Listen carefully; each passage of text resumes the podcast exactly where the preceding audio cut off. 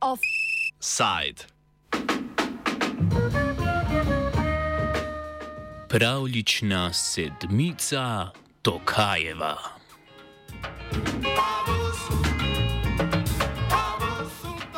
Kazahstanu so potekale predsedniške volitve, na katerih je funkcijo predsednika obranil Kasim Žomart Tokajev. Glede na predčasne izide je Tokajev prejel dobrih 81 odstotkov glasov, pričakovano pa je, da bo prejel med 82 in 85 odstotno podporo. Tokajev je funkcijo predsednika države prevzel marca 2019, ko je s podporo prvega in dotedaj edinega predsednika Nur Sultana Nazarbajeva osvojil več kot 70 odstotkov podpore. Kasneje se je zdaj ponovno izvoljeni predsednik oddaljil od politike svojega predhodnika. Kazahstanski parlament je septembra sprejel predlog Tokajeva za spremembo ustave, ki trajanje predsedniškega mandata podaljšuje z petih na sedem let. Voljivci so ustavo podprli tudi na referendumu. S podaljšanjem mandata na sedem let bo Tokajev na predsedniškem stolčku ostal vse do leta 2029.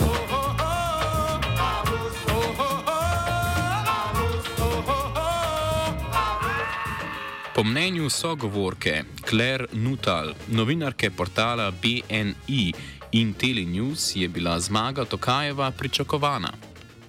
I think it was completely expected. Um, I mean, if you look at the recent history of Kazakhstan, um, there's under Tokayev under, and under the previous president Nursultan Nazarbayev. I mean, it's a, it's a very strong presidential system. The power is very much concentrated in the president himself, and I think there was no question whatsoever before the vote that um, it would be a victory for Tokayev this time. And also, if you look at his rivals, I mean, there was really no. I mean, the, the, the other people standing were really just unknown. It wasn't even that they were unpopular; they were people who who kind of people had barely heard of before.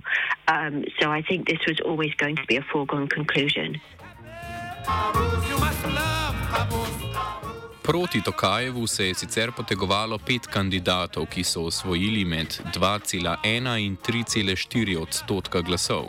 Med njimi je največ glasov prejel Žiguli Dajrabajev, ki je kandidiral s podporo Ljudske demokratične patriotske stranke AJUL. A Will, pardon, slabih šest odstotkov voljivcev je na glasovnici izbralo možnost, da ne podpirajo nobenega od navedenih kandidatov. Zdi se torej, da v Kazahstanu prave opozicije ni. No, I mean, if if you look at who was standing, I mean, they had, for example, a former head of the Kazakh Farmers Association, um, the the rather obscure Social Democratic Party put someone forward. Um, there was a, a, sociologist, a human rights activist, but I mean, there was no one, certainly no kind of household name. Um, when we talk about the real opposition in Kazakhstan, it, it, it's quite hard uh, to say because I wouldn't say there's really an opposition inside or outside the country that has a, a mass popular following. I mean, obviously, there's the um, Democratic Choice of Kazakhstan, um, which has has been around in, in, under very you know different names for a long time, but they um, and they're now banned. Um, but they're also.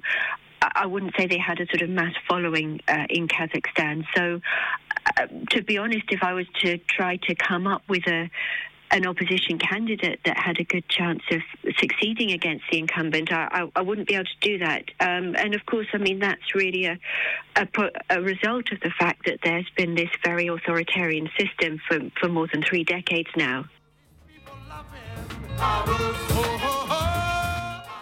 Volitev se je udeležilo veliko državljanov. Prečasni izidi kažejo na 69 odstotno volilno udeležbo. Zanimivo je tudi, da so glasovali številni, ki ne, ki ne živijo v Kazahstanu, a imajo volilno pravico. Svoj glas je v tujini oddalo kar 88,5 odstotka registriranih voljivcev. A po mnenju sogovorke, visoka volilna udeležba ne pomeni vse splošne podpore Tokajeva. The turnout was fairly high.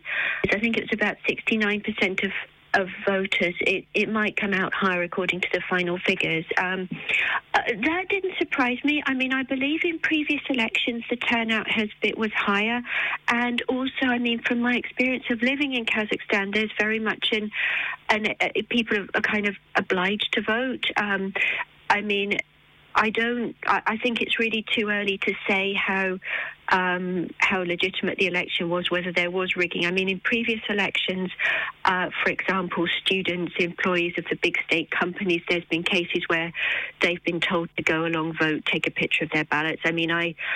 I hope that is happening less now. There, there, there have been some reforms, but I, I think there probably, especially out in the provinces, are the people who are working for the state or studying who were just really obliged to vote. So I don't think we can necessarily count this high turnout as indicating that it was that there is massive support for Tokayev or that um, Kazakhstanis are partic- particularly politically engaged. V Kazahstanu je sicer 10.101 volišče. 68 pa jih je v tujini, v skupno 53 državah po svetu. Najvišja volilna udeležba, ki je znašala slabih 80 odstotkov, je bila v regiji Zambil in regiji vzhodnega Kazahstana.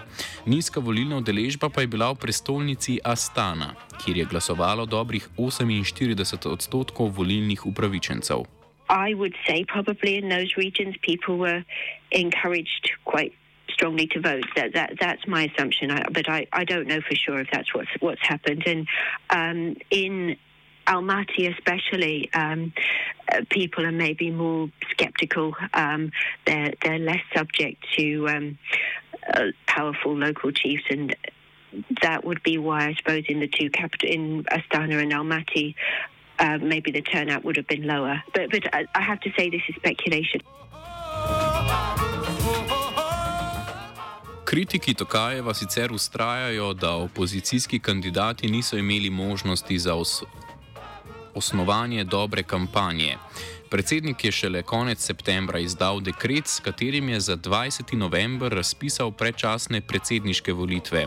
Tako so imeli proti kandidati manj kot mesec dni časa za pripravo kampanje.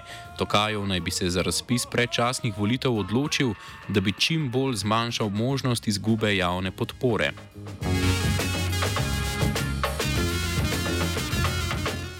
Kazahstanu je junija potekal referendum, na katerem so voljivci odločali o dopolnitvi ustave s 56 amantmaji.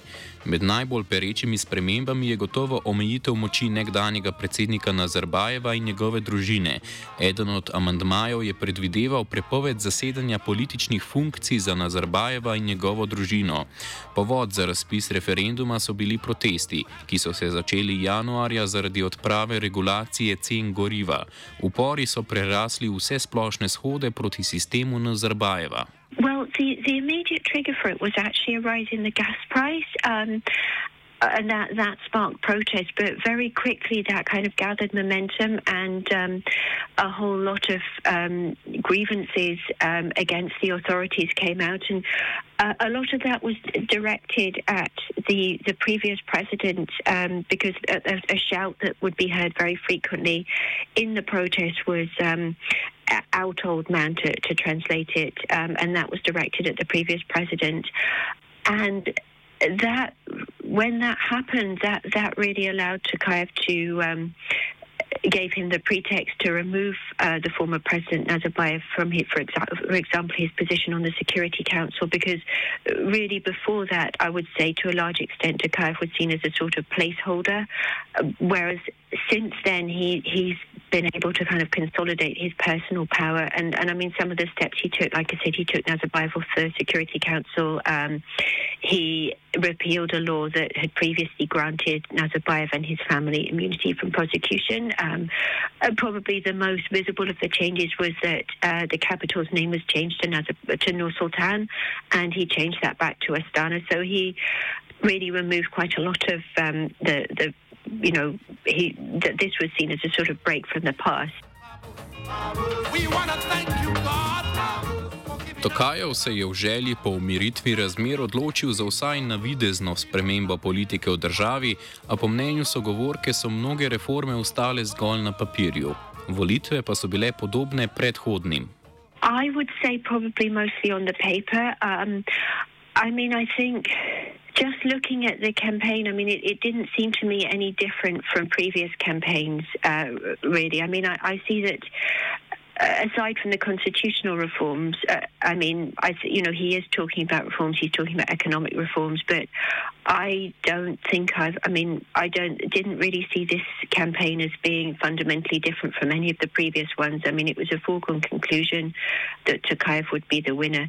Uh, there was no opposition candidate that that was well known or, or that seemed to be who seemed to be a credible challenger to him. Uh, so I, I don't really see that there, there was any particular change since the last time around, I'm afraid. Oh, oh, oh. Tokajo je v sklopu ukrepov, s katerimi skuša sebe in državo oddaljiti od nekdanjega predsednika Nazarbajeva, sprejel tudi ukrep, s katerim je prestolnico Nur Sultan preimenoval nazaj v Astano. Nur Sultan je namreč ime, ki ga je prestolnica dobila v čas do takrat edinemu vladarju samostojnega Kazahstana Nur Sultanu Nazarbajeva. Prav tako pa je Tokajo z pomembnih funkcij odstavil več ljudi iz ožjega kroga Nazarbajeva.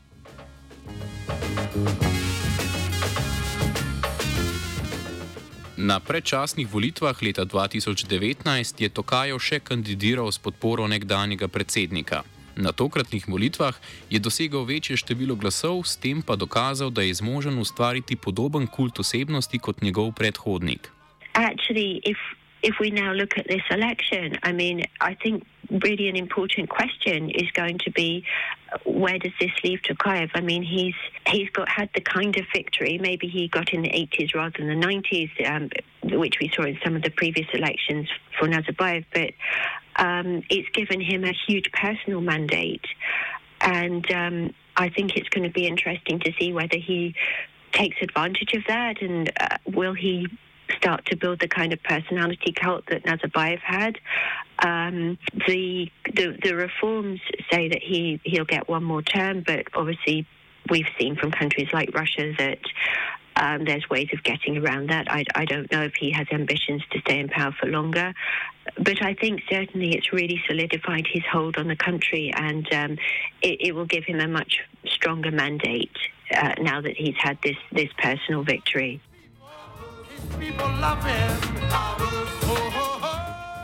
Ponovna zmaga Tokajeva pa je pomembna tudi v odnosu države do Rusije. Tokajev se je v preteklih letih oddaljil od sodelovanja z Vladimirjem Putinom, čeprav je Rusija najpomembnejši gospodarski partner Kazahstana. Tokajev je ruske sile sicer poklical na pomoč v času januarskih protestov, a se je od takrat skušal oddaljiti od ruske politike in obsodil rusko invazijo na Ukrajino. Kako zmaga Tokajeva vpliva na odnos države do Rusije, pojasnjuje Natal. Uh, the, the question of Russia, because of course um, the you know the war in the Ukraine, the sanctions on Russia have obviously affected uh, Kazakhstan, even, though it's had some benefits like um, Russian companies uh, or Russia, formerly Russian-based companies coming to set up in Kazakhstan, and um, I, I, think so far um, Tokayev has taken quite a he, he's tried to stay neutral, even though Russia came in and helped him during the protests earlier this year. He's he's not sort of totally bowed down and um, and and backed Russia on everything. He, for example, he's refused, didn't recognise the um, the annexations of the Ukrainian provinces by Russia. So, um, uh, and I think this this sort of strong victory for him probably will see that position continuing because his his personal standing has obviously been strengthened. Tokajov tako ostaja na položaju. Opozicijskih sil v Kazahstanu pa vsaj za zdaj še ni na obzorju. Offside je pripravila Tija.